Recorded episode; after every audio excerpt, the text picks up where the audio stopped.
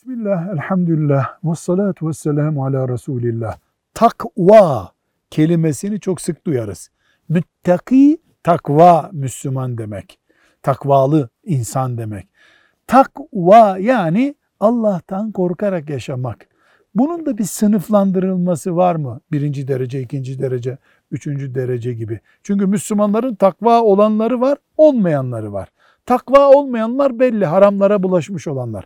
Takva olanların bir kademelendirilmesi mümkün mü? Elbette. Allah ona rahmet etsin. Gazali şöyle bir tasnif yapmış. Dörde bölmüş takva olanları.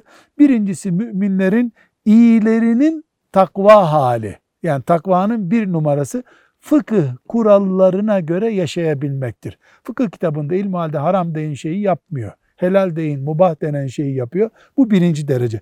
İkinci derece takva yani bir puan yukarısı salih kulların takvasıdır. O da nedir?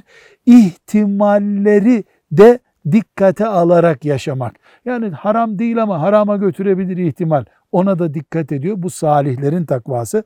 Muttaki diye Kur'an'ın isimlendirdiği üçüncü kademedeki takva sakıncası olmayan şeyleri bile terk etmeye hazır olmaktır. Yani e, Allahu Teala alkolü haram etmiştir. Meyve suyunu helal etmiştir. Bu meyve suyundan bile iki bardak içmiyor. Nefsim şımarmasın diyor. Bu üçüncü derece. Dördüncü derece sıddıkların derecesidir. O öteler ötesi.